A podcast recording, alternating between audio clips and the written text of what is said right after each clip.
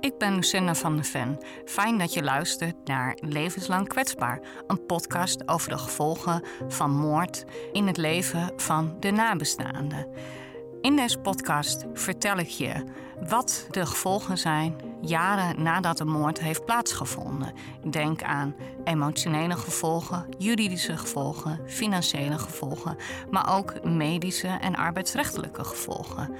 Ik zal mijn persoonlijke ervaringen afwisselen met rechters, politierechercheurs, officieren van justitie, advocaten, maar ook artsen, psychologen of psychiaters. Daarnaast ga ik in gesprek met andere nabestaanden, voornamelijk broers en zussen, die net als ik een dierbare verloren zijn door dodelijk geweld. Fijn dat je luistert. Welkom bij aflevering 2 van Levenslang Kwetsbaar. In deze aflevering wil ik beginnen met een korte terugblik op de eerste aflevering. Ik werd namelijk daarin geïnterviewd door Richard Grootbot. Richard is de maker van Overleven, de documentaire over de nasleep van de moord op mijn zus. En Overleven was ook de aanleiding voor de kennismaking met mijn tweede gast. Ik ben vandaag in gesprek met Geert Smit.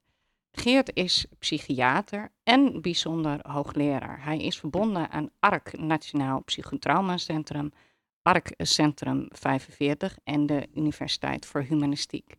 Welkom Geert, ik vind het ontzettend leuk dat je mijn eerste gast bent. Dankjewel. Ja, ik vind het een eer om uh, betrokken te zijn en uh, dank voor de uitnodiging. Ja, nou, Um, laten we beginnen bij onze kennismaking. Geert, wij hebben elkaar in de zomer van 2019 leren kennen. De aanleiding voor onze ontmoeting was dat ik toen bezig was met de voorbereidingen voor het symposium dat ik georganiseerd heb in oktober 2019 na afloop van de vertoning van Overleven in het Filmhuis in Utrecht. Ik heb toen een discussiepanel gevormd en onder leiding van Kees, uh, ja, Kees Grimbergen, de journalist, heb jij als deskundige toen verteld aan de zaal van bijna 200 toehoorders over uh, ja, jouw kennis en jouw expertise als psychiater en psychotraumatherapeut over de gevolgen van PTSS, de posttraumatische stressstoornis maar ook PCRS, de persisterende complexe rouwstoornis. Die we trouwens nu uh, persisterende rouwstoornis gaan noemen. Met de komst van de tekstrevisie van de DSM-5. Uh, eh, ja, de, de Bijbel, zeg maar, voor, voor psychiatrische of eh, GGZ-diagnostiek. is er dus een nieuwe naam, zeg maar, met iets aangepaste criteria. En, en dus die nieuwe naam, dat is persisterende rouwstoornis. Het is de vertaling van prolonged grief disorder uh, uit het Engels. Ja, ik begrijp het. Ja. En wat is de reden dat het woord complex is komen te vervallen? Want het was altijd hè, de persisterende complexe rouwstoornis. Ja, goede vraag. Um,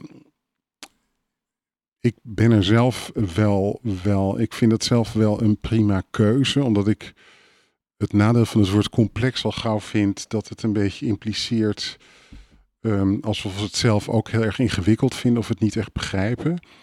Um, ja, het vestigt de nadruk op het feit dat vooral het aanhouden van de rouwreactie uh, voor, voor echt lange tijd, hè, en met name als mensen daar dan ook ernstig onder lijden of ja, niet meer goed door kunnen functioneren. Dat dat, dat uh, soms een probleem is bij rouw. Um, dus het gaat dan niet zozeer over precies welke klachten mensen wel of niet hebben. En of die, of die klachten op een manier complex zouden zijn of ingewikkeld, zeg ja. maar. Maar het gaat echt om het aanhoudende, het persisterende ja, het, het Voortduren van het voortduren. de gevoelens van rouw en het lijden onder de rouw. Precies. Misschien is het woord complex ook wel onbedoeld stigmatiserend. Hè? Zo van, je bent een complex geval. Dat, Eens. Uh, dat, ja. dat, dat is ook vaak een nadeel bij het woord complex. Ja, ja. dus ik, ik vind het niet verkeerd dat het woord wegvalt. Want het, ja, zoals je al zegt, wat voegt het toe? Ja. Um, nou ja, wat mij altijd zal bijblijven aan onze kennismaking. Hè? Want ik herinner het mij nog goed. We hebben in de kamer waar we nu dit gesprek opnemen gesproken. En jij had op dat moment uh, natuurlijk de documentaire gezien als preview. En wij waren in gesprek en jij vroeg een aantal dingen en je was heel erg belangstellend. We hebben het natuurlijk over mijn moeder, haar gevoelens van rouw gehad. Mijn moeder had op dat moment al de diagnose PTSS. En alhoewel die diagnose PTSS ook bij mij al was gesteld, volgens mij in 2017 denk ik, um, had ik daar in 2019 dus eigenlijk nog steeds niet voldoende behandeling voor gehad. En ik herinner mij nog goed dat er een punt was in mijn behandeling dat, uh, hè, eigenlijk zag ik de psychiater nooit, maar er was dus een punt hè, dat ja, mijn behandelaar dacht, het wordt tijd, Lucinda, dat we de behandeling afsluiten. En dat was op een punt in mijn leven dat ik zo onzeker was en mij zo kwetsbaar voelde dat ik mij daar niet in kon vinden.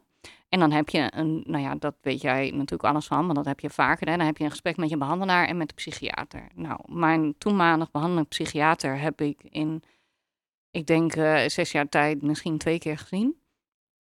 En ik heb toen zelf moeten vragen, maar um, kan het niet zijn dat ik een posttraumatische stressstoornis heb? Moet ik daar niet op onderzocht worden? Sterker nog, ik wilde daarop onderzocht worden. Daar is mee ingestemd, maar ik heb toen niet gevraagd van onderzoek mij op die persisterende complexe rouwstoornissen. Toen heette het nog uh, complex. Die vraag heb ik niet gesteld. Het interessante is dat ik toen wel al op de hoogte was dat de persisterende rouwstoornis sinds 2013 opgenomen was in de DSM-5, het handboek voor uh, psychiatrische aandoeningen. Maar ik heb die vraag niet gesteld en ik vind het achteraf een gemiste kans dat mijn toenmalige behandelaren niet mij ook daarop getest hebben. Want ze wisten dat mijn zus vermoord was. En ik, ik weet niet, kan jij je herinneren wat jij mij toen geadviseerd hebt? Kun je dat gesprek terughalen uit uh, de zomer van 2019? Nou, ik denk waar we dus over kwamen te spreken, hè, wat betreft jouw situatie, dat was voor mij iets um, ja, wat ik wel veel vaker hoorde en meemaakte. Um, en ja, ik denk ook dat hè, nieuwe diagnoses bijvoorbeeld, ja, het kost echt tijd voordat die doordringen tot, uh, tot het werkveld.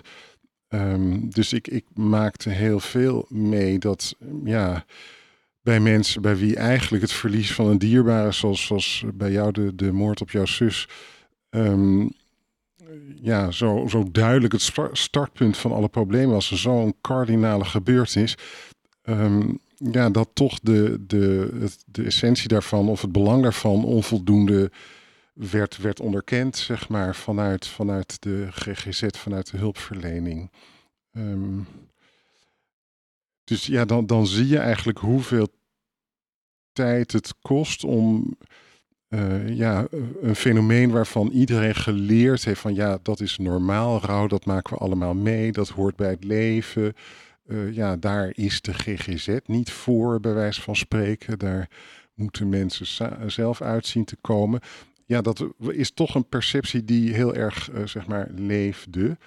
En ik denk her en der nog steeds wel zal leven. Hè? Want nu uh, is, is dan die revisie, tekstrevisie van de DSM-5 verschenen. Dus dat zal voor de Nederlandse praktijk denk ik wel verschil gaan maken. Maar daar, daar nou ja, kunnen natuurlijk ook zomaar nog weer jaren overheen gaan voordat dat uh, goed doordringt um, in, in, in, de, in ieders praktijk. Ja, in, in de praktijk hè, van uh, behandelaren in de geestelijke gezondheidszorg in de breedste zin van het woord. En natuurlijk Precies. ook de rouw- en traumatherapeuten. Nou ja, onze kennismaking, los van hè, dat ik natuurlijk heel blij was uh, om jou te kunnen toevoegen aan het panel, het discussiepanel, uh, na afloop van de première van Overleven, heeft het ertoe geleid dat ik mijn toenmalig psycholoog gevraagd heb of zij mij wilde verwijzen naar Psytrek. Hè, Psytrack is uh, nou ja, gespecialiseerd in de posttraumatische uh, stressstoornis, in de behandelingen van in een bijzonder korte tijd. En uh, het interessante was, en ook het verdrietige was, is dat de psycholoog bij wie ik op dat moment onder behandeling was, dat was een vrij gevestigde praktijk, zij was gespecialiseerd in psychodiagnostiek. Dus toen ik begon bij haar, heb ik echt een batterij aan vragenlijsten doorgewerkt waar je u tegen zei. En de PTSS-vragenlijst die zat erin. Maar mijn diagnose, die kon zij dus op dat moment niet herbevestigen. Dus dat ik naar Psytrack wilde, ik heb haar echt moeten motiveren dat ik het belangrijk vond om daar naartoe verwezen te worden. En ik kan me nog heel goed herinneren dat het intakegesprek plaatsvond in, ik denk, november 2019. Dus heel snel nadat overleven was uitgekomen. Ik vond dat emotioneel gezien ook heel zwaar, want die diagnose, PTSS, die werd uiteraard bevestigd. en het was enerzijds een soort opluchting van, zie je nou wel... Maar ik vond het ook heel pijnlijk, want ja, dan wordt dus helder dat je uh, geruime tijd, jarenlang, we hebben het niet over maanden, maar jarenlang eigenlijk onvoldoende behandeling gehad hebt voor de hoofdoorzaak van je klachten. En parallel aan die verwijzing naar Psytrack, opnieuw op jouw aanraden, heb ik uh, de huisarts gevraagd: wil je mij verwijzen naar, hè, toen heet het nog, heette jullie nog Centrum 4045, of in ieder geval in de volksmond. Nu zijn jullie natuurlijk ARK, Nationaal Psychotraumacentrum. Maar de huisarts heeft mij daar naar, naar jullie verwezen. Het was een hele lange wachttijd. Um, en ik ben, nou ja, een brave patiënt, hè, dus ik wil dat mijn behandelaren zoveel mogelijk relevante informatie hebben over mijn voorgeschiedenis. Dus ik had heel keurig naar ARK de ontslagbrief van Psytrek gestuurd. En toen gebeurde er iets heel erg interessants, waarbij ik opnieuw jouw hulp, nou dit keer echt letterlijk jouw hulp nodig had. Want in de ontslagbrief van Psytrek vond ik heel erg interessant. Daar stond, de rouw over haar zus is op gang gekomen. Dan moet je weten, ik heb vier keer, vier dagen intensieve traumabehandeling gehad. En die ontslagbrief, die werd een week later geschreven. Zonder dat mijn eigen visie over, had ik nu zelf ook het gevoel dat mijn gevoelens van rouw op gang waren gekomen. Dat ik daar eigenlijk zelf over gevraagd werd. Uh, ik weet niet of er op dat moment al vragenlijsten waren afgenomen. Maar ik vroeg mij wel af, waar is de evidence voor deze uitspraak? Waar baseer je deze uitspraak op dat de gevoelens van rouw over de moord op Nadia op gang zouden zijn gekomen. Maar goed, het stond erin. Ik heb er wel een idee over, want ik denk, um, er, het is een idee van, ja, bij rouw, als, je, als er sprake is van trauma en rouw, uh, nou dan moet je eigenlijk beginnen met dat trauma. Het behandelen van een trauma. En als je dat eenmaal doet, dan inderdaad, dan komt die rouw op gang. En dan komt het eigenlijk ook vanzelf vaak wel goed. Dat is wel een beetje het achterliggende idee. Uh, waar ik het niet op die manier mee eens ben. Hè? Dus ook, ook niet met het andere idee van dat uh, rouw nooit een probleem kan zijn, zal ik maar zeggen. Uh, wat, waar we het net over hadden. Ja. Um, maar er, ja, er zijn dus heel wat gevestigde opvattingen die ja, ook gewoon voortgekomen zijn uit het feit dat er geen diagnose was rondom rouwproblematiek. Mm dus ja. dan, dan krijg je dit soort professionele overlevering, zal ik maar zeggen. Um, en, en, en dat, uh, ja, dat is niet altijd echt ergens op gebaseerd, zeg maar. Dat is eigenlijk, ja, dat vertellen professionals dan aan elkaar, zal ik maar zeggen. Nou ja, en dat uh, precies wat je zegt, hè? want dit was een brief van de ene professional naar de andere professional, mijn verwijzer, de psycholoog, en een CC natuurlijk naar de huisarts.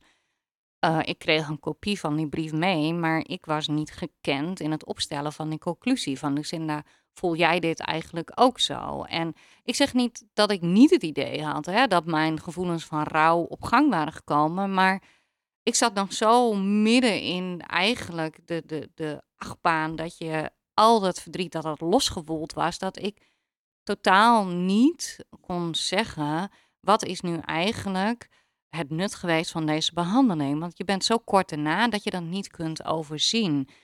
En uh, er stond wel een advies in voor vervolgbehandeling, maar dan bij mijn eigen psycholoog. Maar wat mij altijd is bijgebleven, is ik heb met de verschillende psychologen die ik daar zag, bij een aantal heb ik de rouwstoornis laten vallen.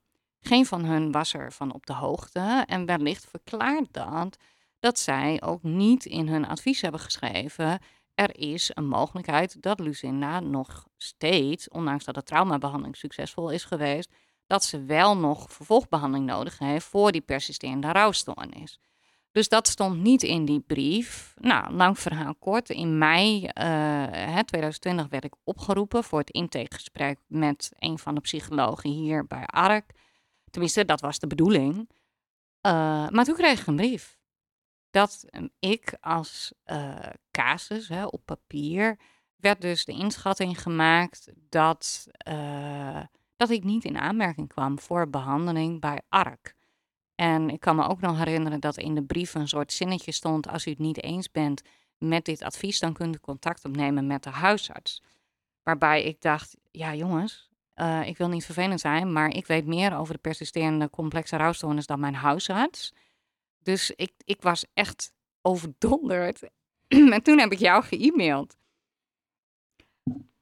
En ja, uh, wat is er toen gebeurd? Ik heb jou ge-mailed dat ik het heel raar vond. En jij hebt toen voorgesteld, gelukkig, van wil je dat ik contact opneem met, hoe noem je dat? Jullie aannamebureau, denk ik.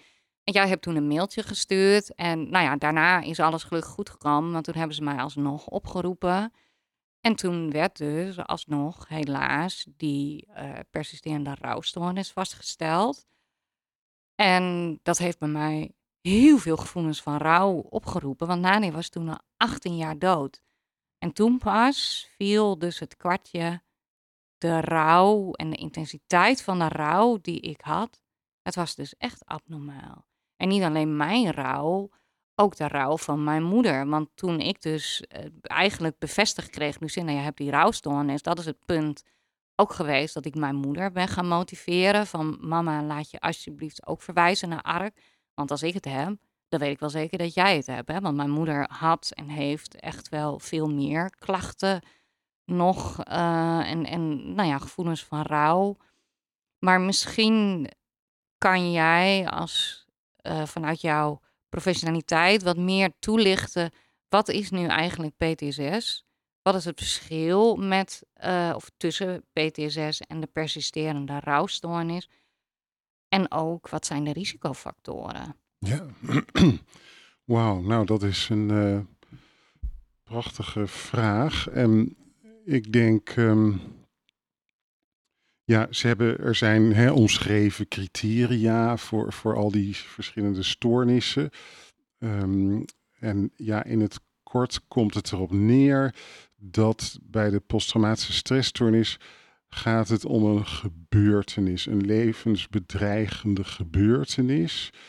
Um, waar mensen als het ware last hebben van hun herinneringen. Dat is, dat is de essentie van, van de posttraumatische stressstoornis. Dus mensen die herinneringen die dringen zich op. Uh, en mensen ervaren dat als heel ongewenst, want ze willen het juist het liefst vergeten. Of in ieder geval uit de weg gaan.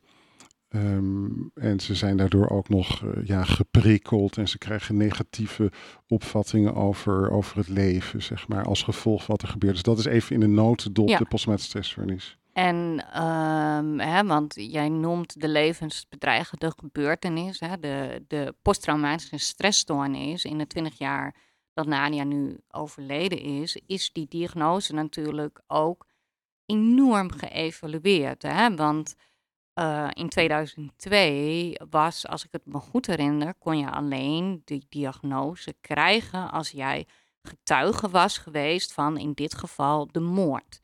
Mijn moeder is geen getuige geweest van het overlijden van Nadia, maar zij heeft mijn zus moeten identificeren. En dat is zo traumatisch geweest dat de psychiater die zij in, ik denk 2008 consulteerde, zonder meer bij haar stelde, mevrouw van der Ven, u heeft daadwerkelijk zonder enige uitzondering, zonder aarzeling, die diagnose PTSS. Ik heb natuurlijk niet Nadia vermoord zien worden. En toch heb ik later, hè, meer dan 15 jaar na haar dood, alsnog die diagnose gekregen, omdat er sprake was van een geweldsdelict, een dodelijk delict. Ja. Kan je kort vertellen hoe dat nu zit en waarom dat is geëvalueerd, die levensbedreigende gebeurtenis, hoe dat is gegaan? Ja. Ja, die diagnose posttraumatische stressstoornis die bestaat sinds 1980 en daarna zijn er een aantal herzieningen geweest van die criteria. Ehm, en ja, het is nu wel heel duidelijk omschreven dat als mensen vernemen omtrent de dood van een, ja, van een dierbare, ehm, dat ze dan ook in aanmerking kunnen komen voor die diagnose PTSS, uh, eh, mits het dan uh, overlijden door geweld of door een ongeval betreft. Dus vernemen dat iemand een, ja, overleden is door ziekte, bij wijze van spreken, dat is, dan niet, dat, dat, dat is dan niet wat een trauma zou mogen worden genoemd in die context. Maar vernemen dat iemand verongelukt is en daardoor overleden. Of vernemen dat iemand uh, door geweld om het leven is gekomen. of door een orkaan, hè, natuurgeweld. Zeker, ook, uh, ook absoluut. Daarvan ja. kan je als nabestaande natuurlijk ernstig... Posttraumatische stress. Getraumatiseerd ja, doorraken. Ja, absoluut. Ja, ja dat klopt. dus dat is de PTSS. Ja, uh, ja, dan krijgen we dus die persisterende rouwstoornis.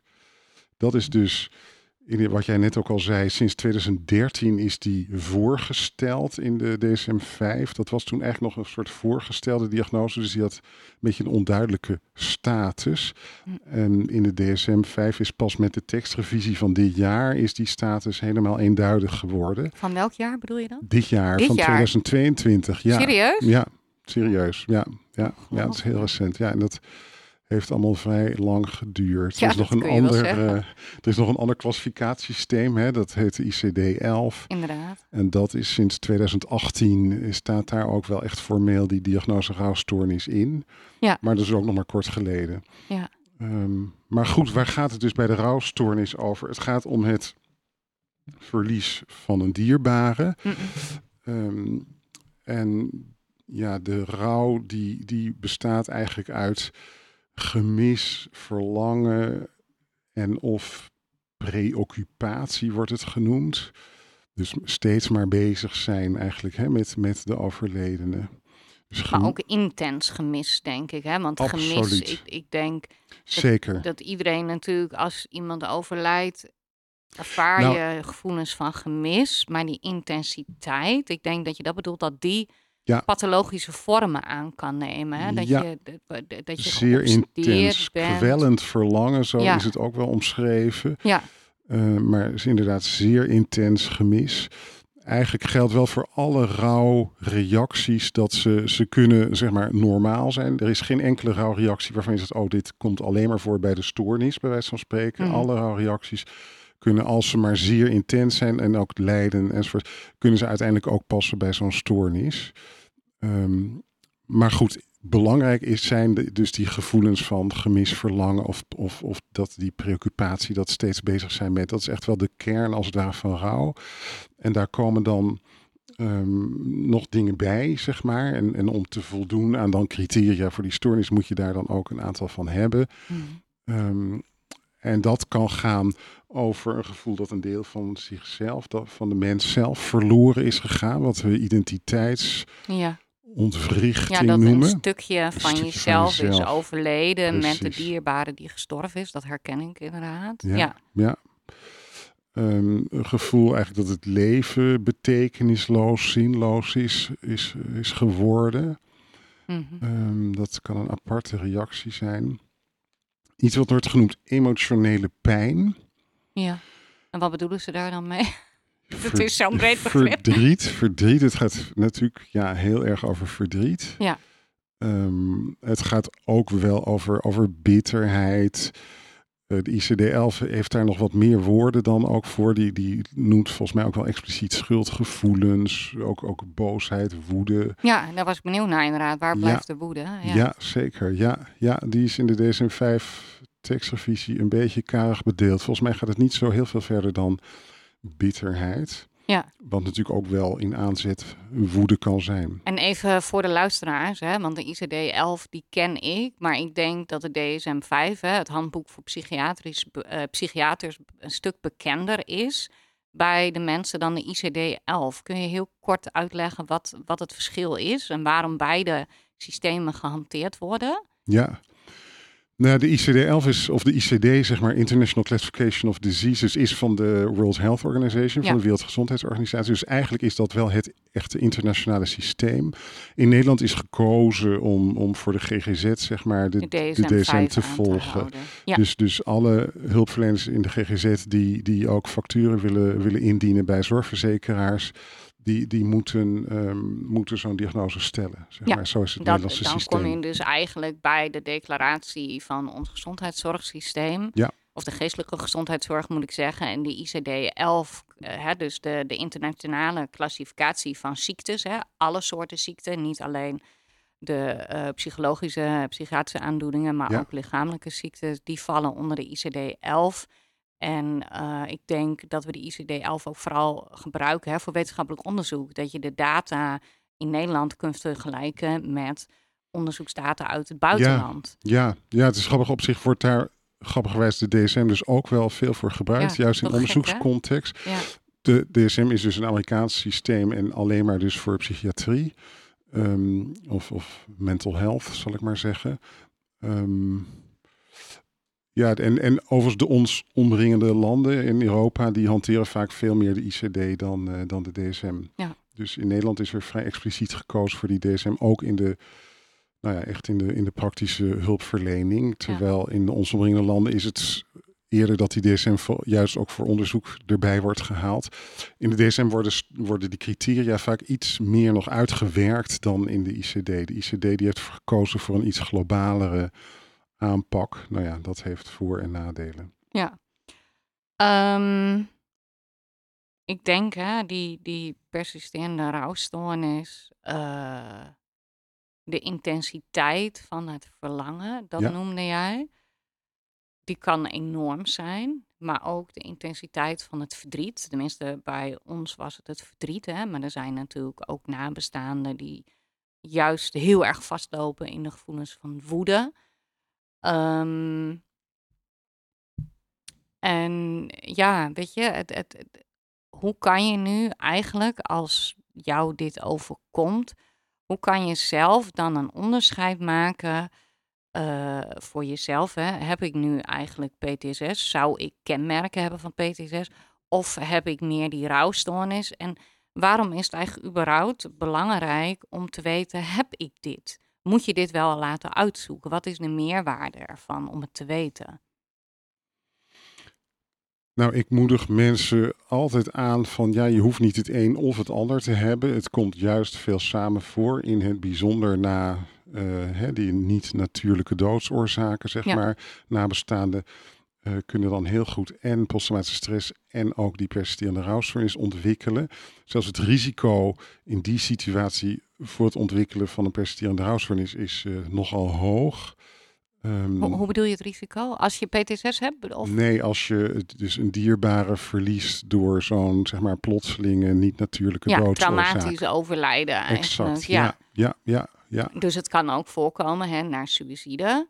Ja, klopt. Um, vaak ook heel onverwacht. Ja, precies. Ja, ja en, dodelijke ongevallen. Hè, dat, is, dat is natuurlijk ook... Uh, Geweldsmisdrijven. Ja. ja, Precies. Dus, dat, dus eigenlijk, je vroeg ook naar risicofactoren. En ik denk, hiermee heb je direct een hele belangrijke te pakken. Um, van, van, uh, dus als mensen ja, een dierbare verliezen uh, door niet-natuurlijke doodsoorzaken, zeg maar, met name plotselinge mm -hmm. Doodsoorzaken, dan is het risico op het ontwikkelen van een rouwstoornis veel hoger dan, dan als het gaat om natuurlijk verlies door ziekte, hè, waar mensen ook naartoe hebben kunnen leven. Um, waar mensen soms echt goed afscheid hebben kunnen nemen. Dat zijn allemaal dingen die ook eigenlijk meespelen voor dat risico op, op een rouwstoornis. Ja. Um, naast dus de, de doodsoorzaak spelen, speelt natuurlijk de relatie een rol. Kijk, als mensen niet heel erg gehecht waren aan iemand die overlijdt, dan is het risico op een rouw, op, nou überhaupt is de rouwreactie meestal minder. En dus ook het mm. risico op een rouwstoornis is dan niet zo hoog.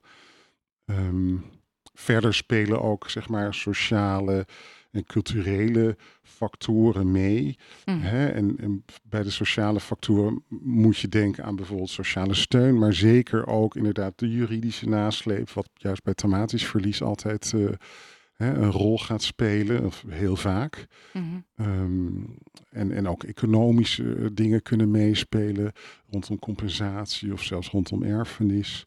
Ehm, dus, Ja, dus de ja, dat, afwikkeling van een erfenis, zeker na een levensdelict, Ja. dat kan al zwaar traumatisch verlopen. Hè? Ja. Ik ken nabestaanden waarbij eh, hè, bijvoorbeeld een vrouw, haar zus is vermoord door eh, nou ja, haar echtgenoot. Die man was niet de vader van de dochter van het slachtoffer.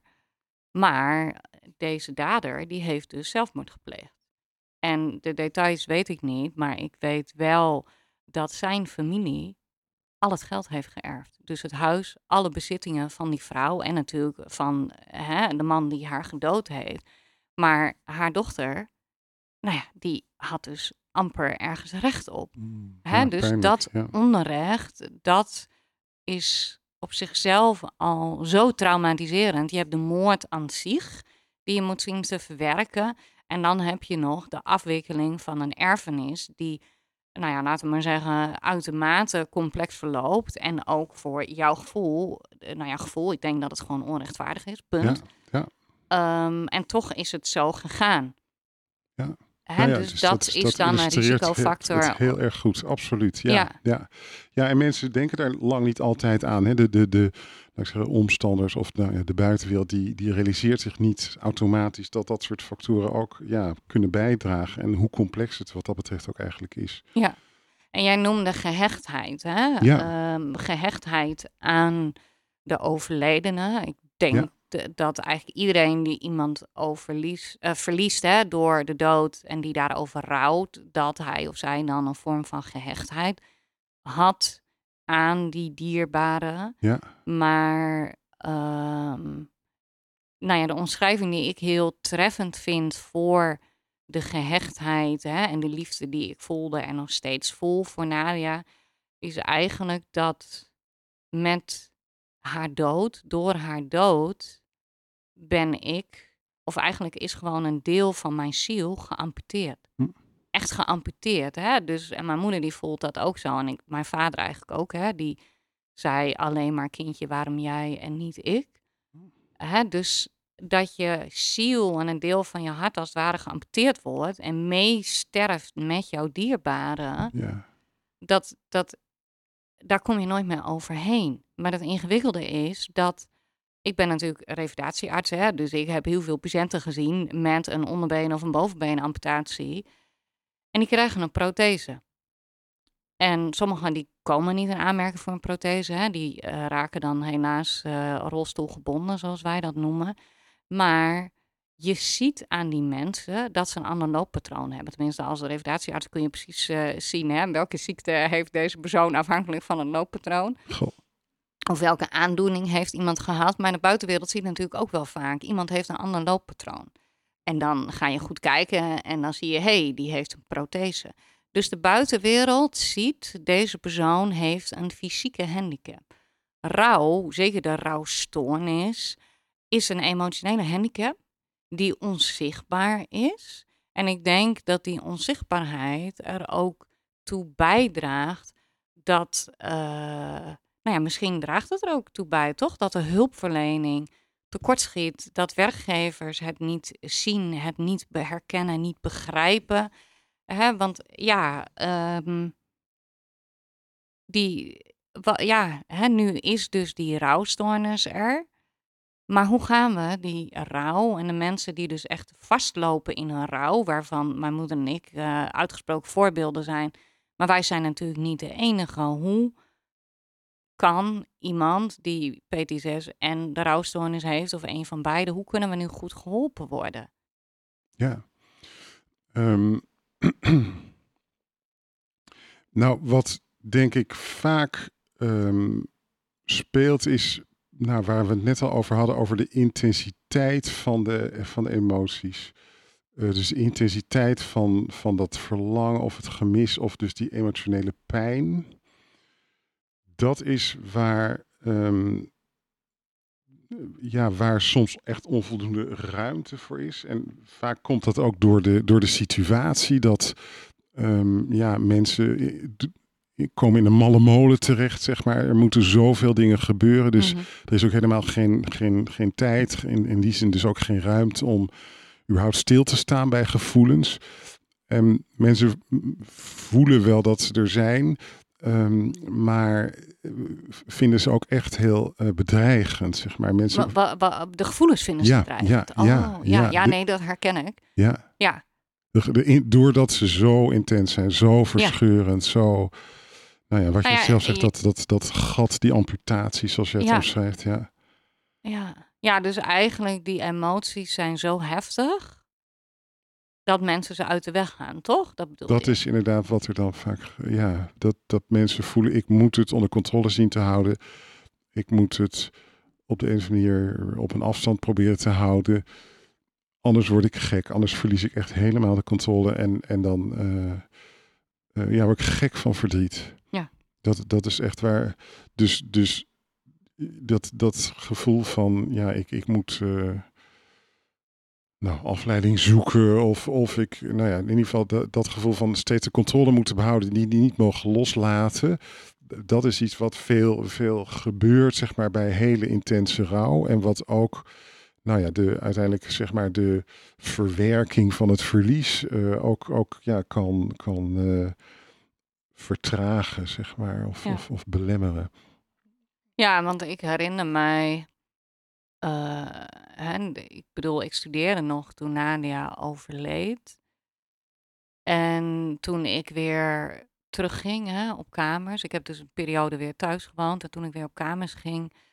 Ik denk dat ik vooral zorgde dat mijn dag zo druk mogelijk was en zo vol mogelijk was. Dus overdag had ik best veel plezier en weet je, deed ik leuke dingen. Ja, ik studeerde ook, hè, maar overdag had ik heel veel afleiding. Ja, ja. Maar dat doe je ook zodat je niet hoeft te denken en niet hoeft te voelen. Ja. En vervolgens was ik s'nachts alleen en toen kwam, kwamen er problemen, want ik sliep niet. Dus ik, ik sliep wel, maar ik sliep heel kort, want ik kwam niet in slaap. En ik was ook, denk ik, echt bang voor de nacht, omdat precies wat jij zegt, het verdriet was zo intens dat je heel bang bent als ik toegeef aan die gevoelens dan, dan, dan zak je in die put, in die afgrond. En hoe kom je er in godsnaam weer uit? En hoe lang duurt het voordat ik eruit kom? Hè? Dus je blijft als het ware maar rennen en rennen, ervoor wegrennen. Ja, En zolang de rechtszaken nog spelen, ja, dan, dan word je geleefd. Hè? En, en dan heb je helemaal geen tijd om te verwerken wat er gebeurt. Ehm, ja, dus je hebt door die rechtszaken heb je natuurlijk ook geen enkele controle. Hè? Want je bent daar geen partij. Ja, je mag op de laatste dag eh, mag je een slachtofferverklaring voorlezen. Maar de dader heeft het laatste woord. Hè? En, en ja, die slachtofferverklaring, de, de rechtszaak tegen Nadia, haar naar een eerste aanleg, duurde 2,5 dag. Hè, nou, het voorlezen van onze slachtofferverklaringen, dat duurde bij wijze van spreken een kwartier, misschien 20 minuten, twee slachtofferverklaringen. En dat was het. Hè? Dat is waar jij je gevoelens mag uiten. Ja. Dus je wordt geleefd en het toelaten van de heftigheid eh, van die emoties, daar, daar durf je je niet aan over te geven. Ja, ja, ja, dat is een heel, heel heldere illustratie. En ik denk wat een, eh, een therapeut zal zeg maar aanmoedigen, en dat is wat dan ook wel met de technische term rouwgerichte exposure wordt, wordt aangeduid, hè, zal, zal aanmoedigen ja, dat mensen die gevoelens wel, wel toelaten.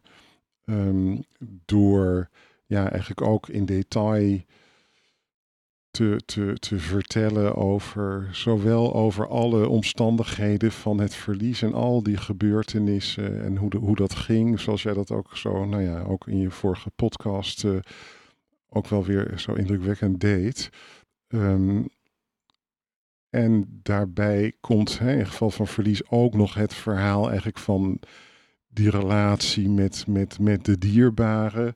Eh, wie Nadia voor jou was, zeg maar. Eh, Ja. Als, als ik het even naar jouw situatie vertaal. Ja. En waarom jij zo van Nadia hield en, en waarom je haar zo mist. En nou ja, dat zijn ook allemaal ja, dingen die Fases nog... in de rouwverwerking. Ook. En dingen die onderdeel zijn eigenlijk van het hele verhaal van het verlies. Ja, het interessante is wel hè, dat uh, toen ik Richard Grootpot, hè, dus de documentaire maken, leerde kennen, toen was Nadia al tien jaar gestorven. En ik had toen al psychologische hulp gehad. Ik denk dat ik dat op dat moment ook nog steeds had. Maar degene die mijn rouwproces op gang heeft geholpen, dat is Richard geweest. Dat is geen hulpverlener geweest. ja. Richard heeft die vragen gesteld, precies wat jij zegt. dan wat is er gebeurd? Wat gebeurde er op de eerste dag? Wat deed het met jou?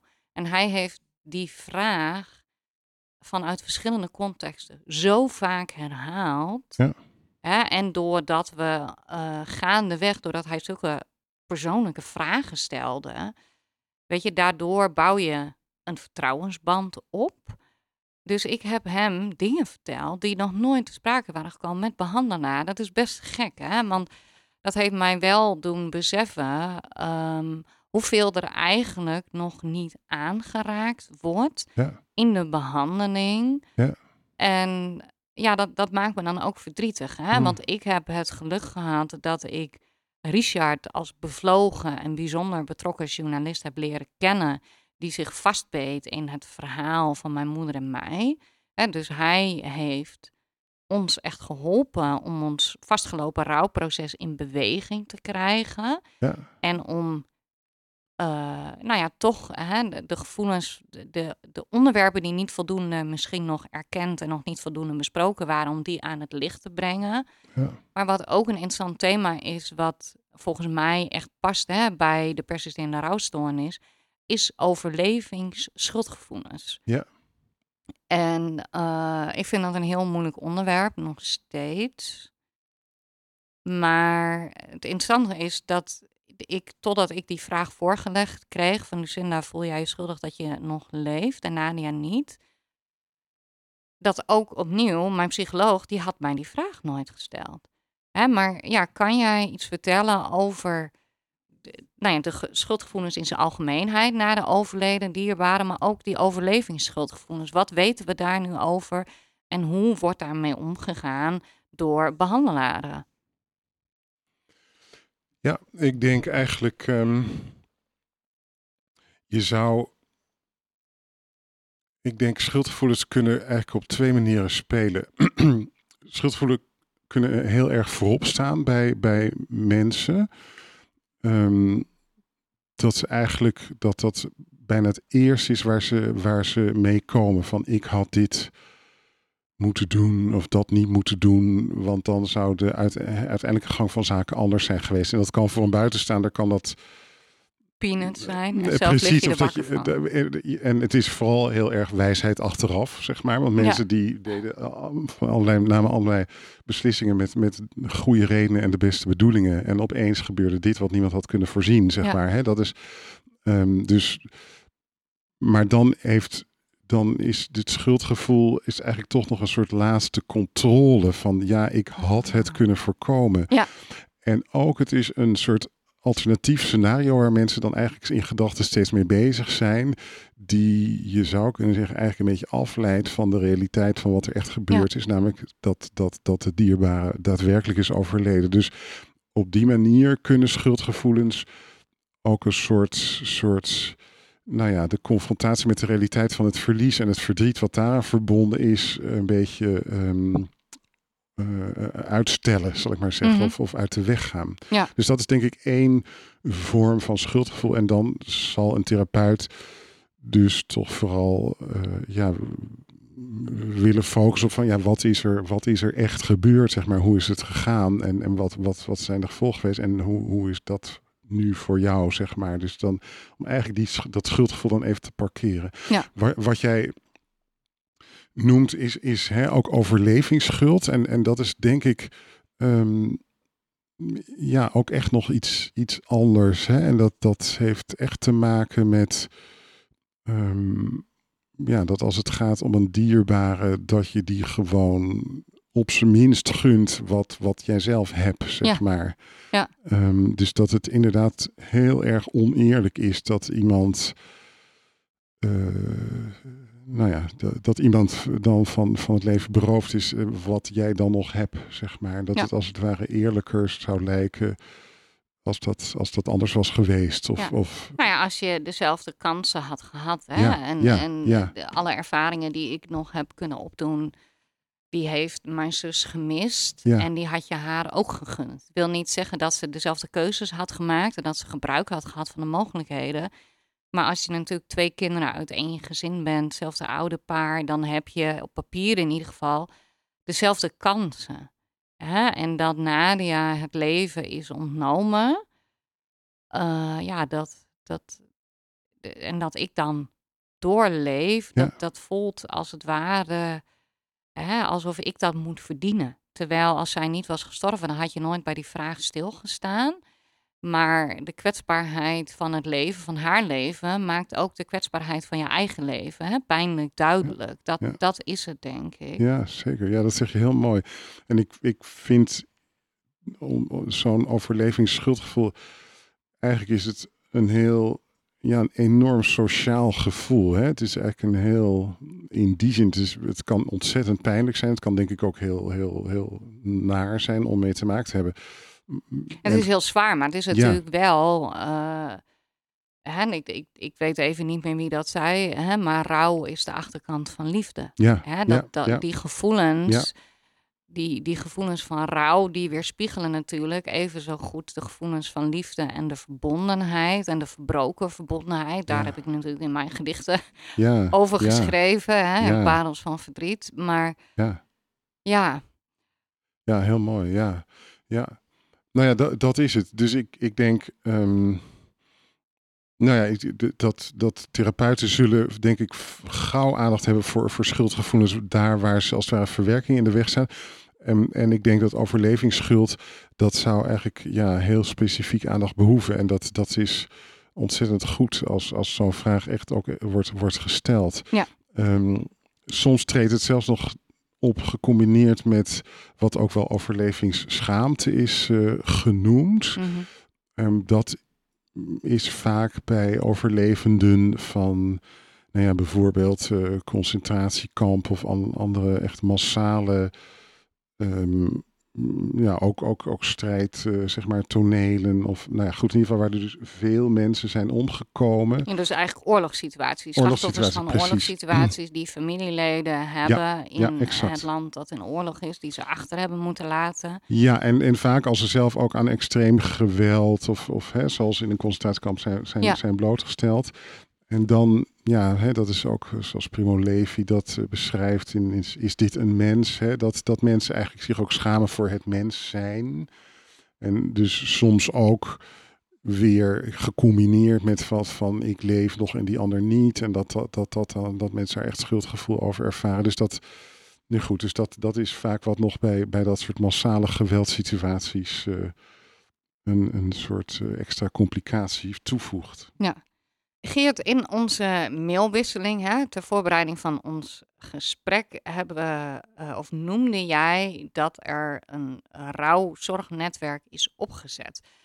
Ehm, we hebben natuurlijk nu uit een treuren gepraat over ja, wat is PTSS, wat is die rouwstoornis en waarom juist nabestaanden van dodelijke geweldsdelicten een verhoogd risico hebben op het ontwikkelen van beide aandoeningen.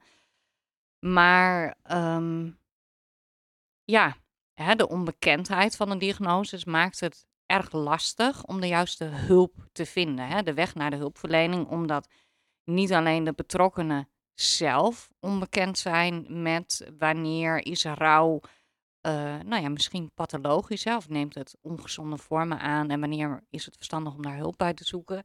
Maar ook de hulpverleners, die slaan nogal eens de plank mis, helaas. Hè, omdat ze het probleem onderschatten of gewoon niet herkennen.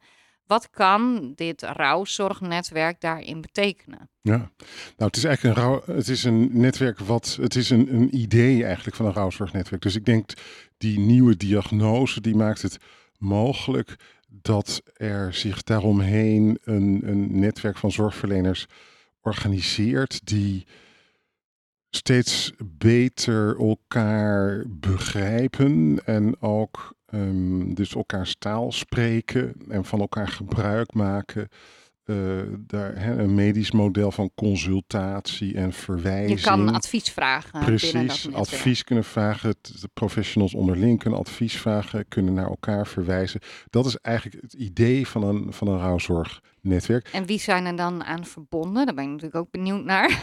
Ja, nou, dus in theorie, hè, want het gaat om, om, om een idee, maar je maakt. Uh, ja, zijn er dus echt verschillende disciplines van zorgverleners betrokken. Mm ja, zo'n diagnose die ja, wordt geïntroduceerd dus in de GGZ, zeg maar. Hè, die DSM, dat, dat, die heeft betrekking op de, op de geestelijke gezondheidszorg.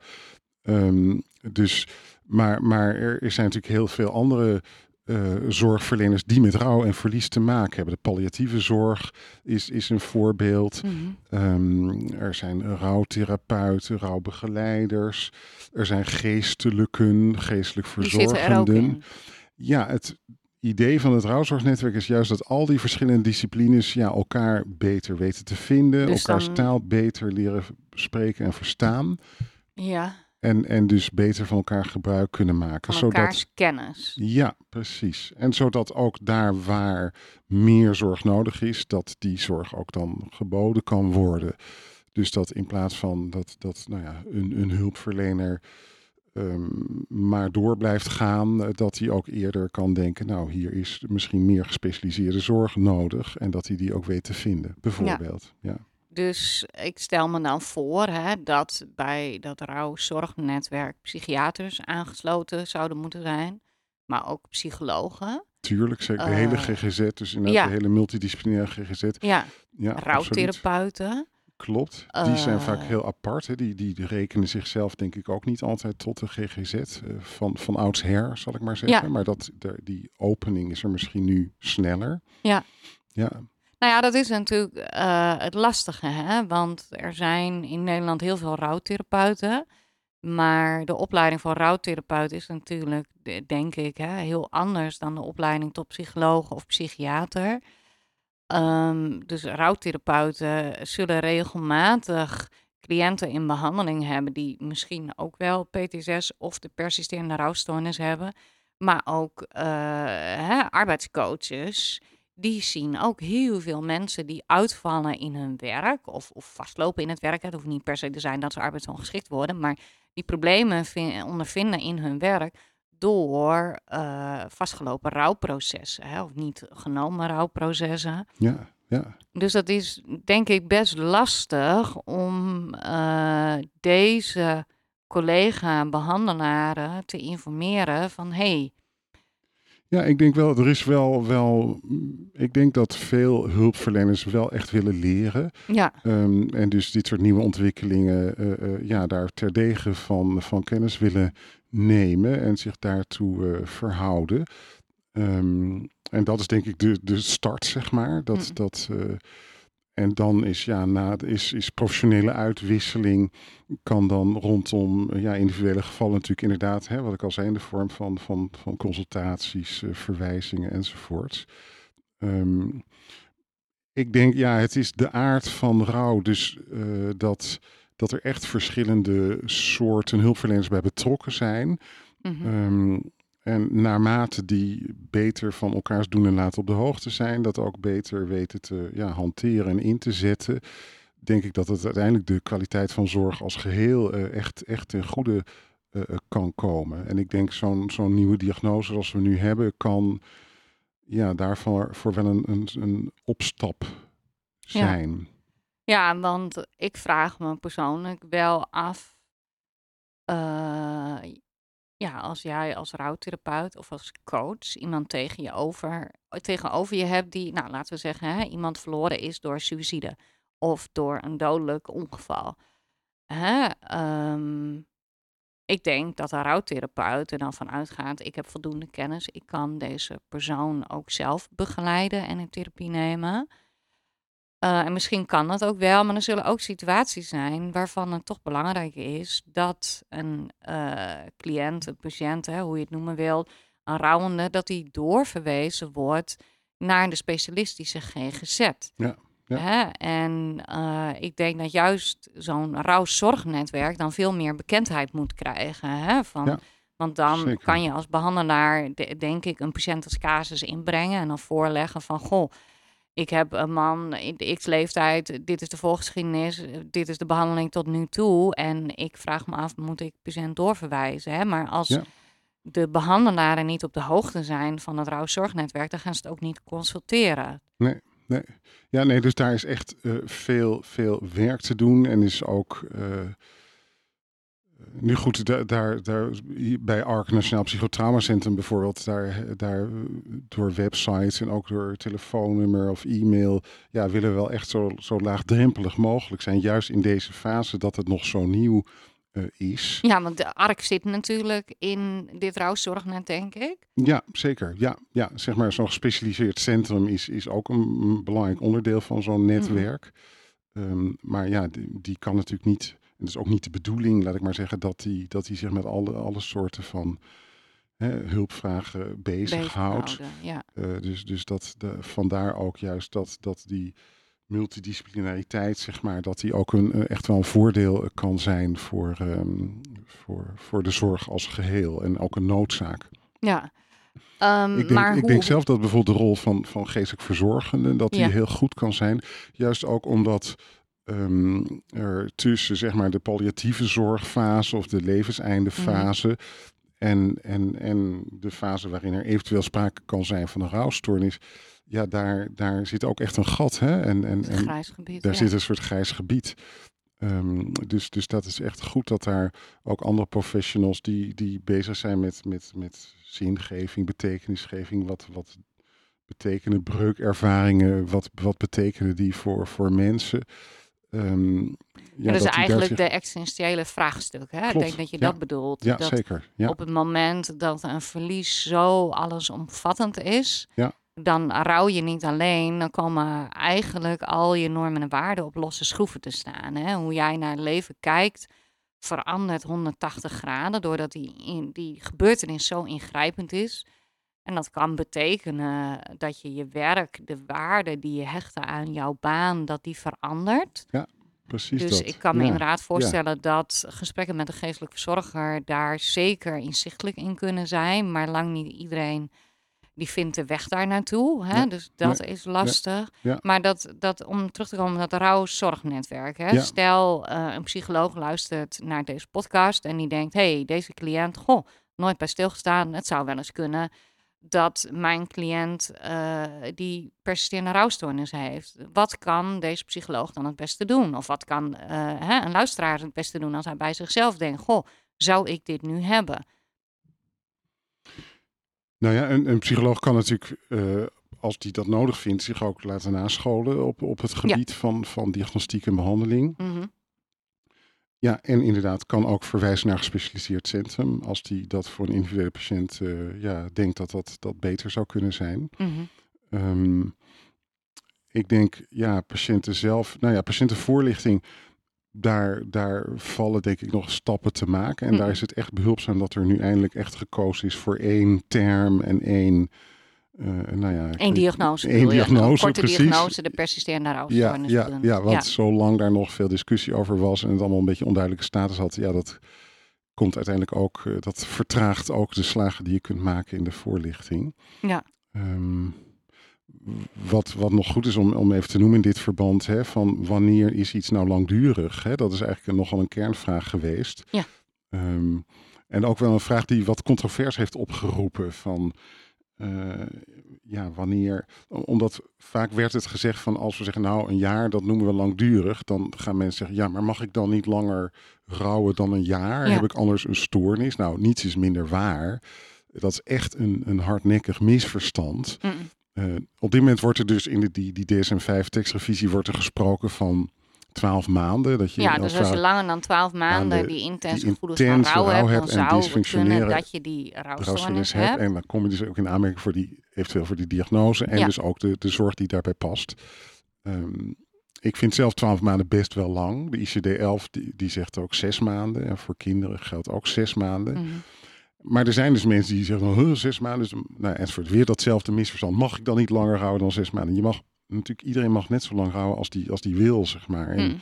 het is alleen fijn dat als die rouw op de een of andere manier mensen heel erg eh, kwelt. Hè? En, en als mensen daardoor ook niet goed kunnen functioneren, dat ze in aanmerking komen voor, voor zorg. Hè? Dus dat is, is zo'n diagnose. Ik denk die controverse, dat is soms ook een beetje een, een schijndiscussie. Ja. In ieder geval de nadelen die er, die er kleven aan, aan de invoering van een diagnose, die wegen denk ik bij lange na niet op tegen de voordelen die het ook eh, met zich meebrengt. Nee, want daar hadden we het natuurlijk over. Hè? Als je dus eigenlijk, eh, daar hadden we het over in het voorgesprek bedoel ik dan. Eh, nou, stel, ik had gewerkt toen Nadia overleed, hè? ik had een Ja. baan gehad. Ja. Dan zou ik dus theoretisch, als dat nu was gebeurd, dan zou ik na een jaar, een jaar na haar dood, als ik dezelfde heftigheid van emoties had gehad, waar we dan even van uitgaan, dan zou ik eerder die diagnose persisterende rouwstoornis hebben kunnen krijgen. Maar dat betekent, eh, als je kijkt naar de intensiteit van de gevoelens, dat ik al een jaar niet of beperkt had kunnen werken. Maar dat betekent wel dat je dus nog maar één jaar hebt voordat eh, hè, het UWV aan de deur staat en dat jouw werkgever jou mag ontslaan wegens langdurige arbeidsongeschiktheid. Dus ik ben een groot voorstander, dat weet je, eh, van deze diagnose. Niet omdat ik vind dat we rouw moeten medicaliseren, maar ik vind wel dat werkgevers, bedrijfsartsen, verzekeringsartsen, hè, dat zijn de keuringsartsen van het UWV, zolang die niet begrijpen dat rouw pathologisch kan verlopen en dat rouw zo lang kan aanhouden en zo intens kan zijn dat je dus echt dysfunctioneert in je privéleven en in je arbeidsleven. Het UWV, die kan niks met, eh ja, Lucinda die ligt nachtenlang eh, wakker. Hè? Dat is voor hun geen label. Op het moment dat ik kan aantonen, ik heb nu eh, ja, de persisterende traumatische rouwstoornis, die diagnose is gesteld, dan kijken ze heel anders naar jouw medisch rapport. Dus dat stukje erkenning van de ingewikkeldheid van de rouw en het voortduren van de rouw, ook doordat die rechtszaken vaak jarenlang voortschrijden. Ja. Hè, ik, ik denk dat dat heel erg belangrijk is. Ja, nou, daar kan ik het natuurlijk alleen maar mee eens zijn. eh, ja, ja. Ja. dat, eh, dat, Nou, ik denk dat we naar een afronding gaan. We hebben een, eh, ik denk, eh, veel omvattend gesprek gehad, Geert. En ik wil je heel hartelijk bedanken voor alle kennis die jij belangeloos hebt willen delen met mij en met de luisteraars. En ik ben ook erg benieuwd of je een suggestie kunt doen voor een volgende gastspreker. ja, nou jij ook heel erg eh, veel dank voor jouw ja, prachtig en, en belangrijke werk ook hier, hierin. Hè, die, eh, nou, ik denk van ongelooflijk belang is. Ehm, ja, ik heb, ehm, we, hebben ook even al gesproken eh, vooraf over de rol van kinderen en jeugdigen. En met name, of de, de plek eigenlijk van kinderen en jeugdigen. En met name als ze ook slachtoffer zijn van, eh, of nou ja, dus nabestaanden zijn geworden na verlies van, van bijvoorbeeld een ouder door ja, traumatische, dus zeg maar gewelddadige doodsoorzaken. Ehm, eh, ja, één heel schrijnende situatie hè, die daarbij kan optreden, is dat een ouder de, de moordenaar is van de andere ouder. Meest typisch is dat dan de vader die, die de moeder vermoordt. eh, waarbij, waarbij het kind eh, eigenlijk beide ouders zeg maar verliest.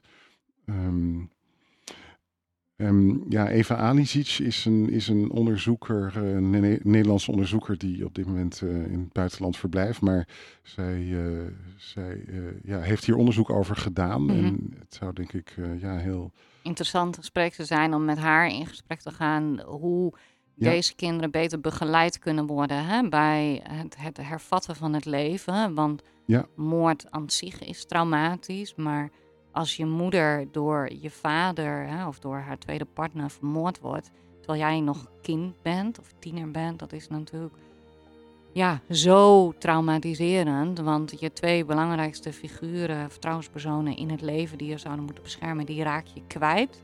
En dan ook nog door moord. Ik vind het een eh, mooie aanbeveling. Ik ga haar benaderen.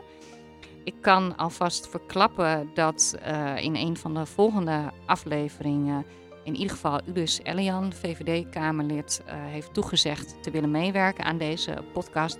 En ook advocaat Arlette Schijns heeft toegezegd dat zij bereid is om met mij in gesprek te gaan. Geert, dankjewel. Heel graag gedaan. Dankjewel voor het luisteren. Als je je abonneert op deze podcast, krijg je automatisch een melding wanneer er een nieuwe aflevering verschijnt. Door een review achter te laten help je mij en andere nabestaanden om de problemen waar wij tegenaan lopen meer bekendheid te geven. Fijn als je dat wilt doen. Wist je dat er ook een documentaire is verschenen over de gevolgen van de moord op mijn zus Nadia van der Ven? Overleven is te zien op YouTube. Ook kun je mij huren als gastspreker voor lezingen en ik ben columnschrijfster. Meer hierover kun je vinden op mijn website www.lucindavandeven. Tot de volgende keer.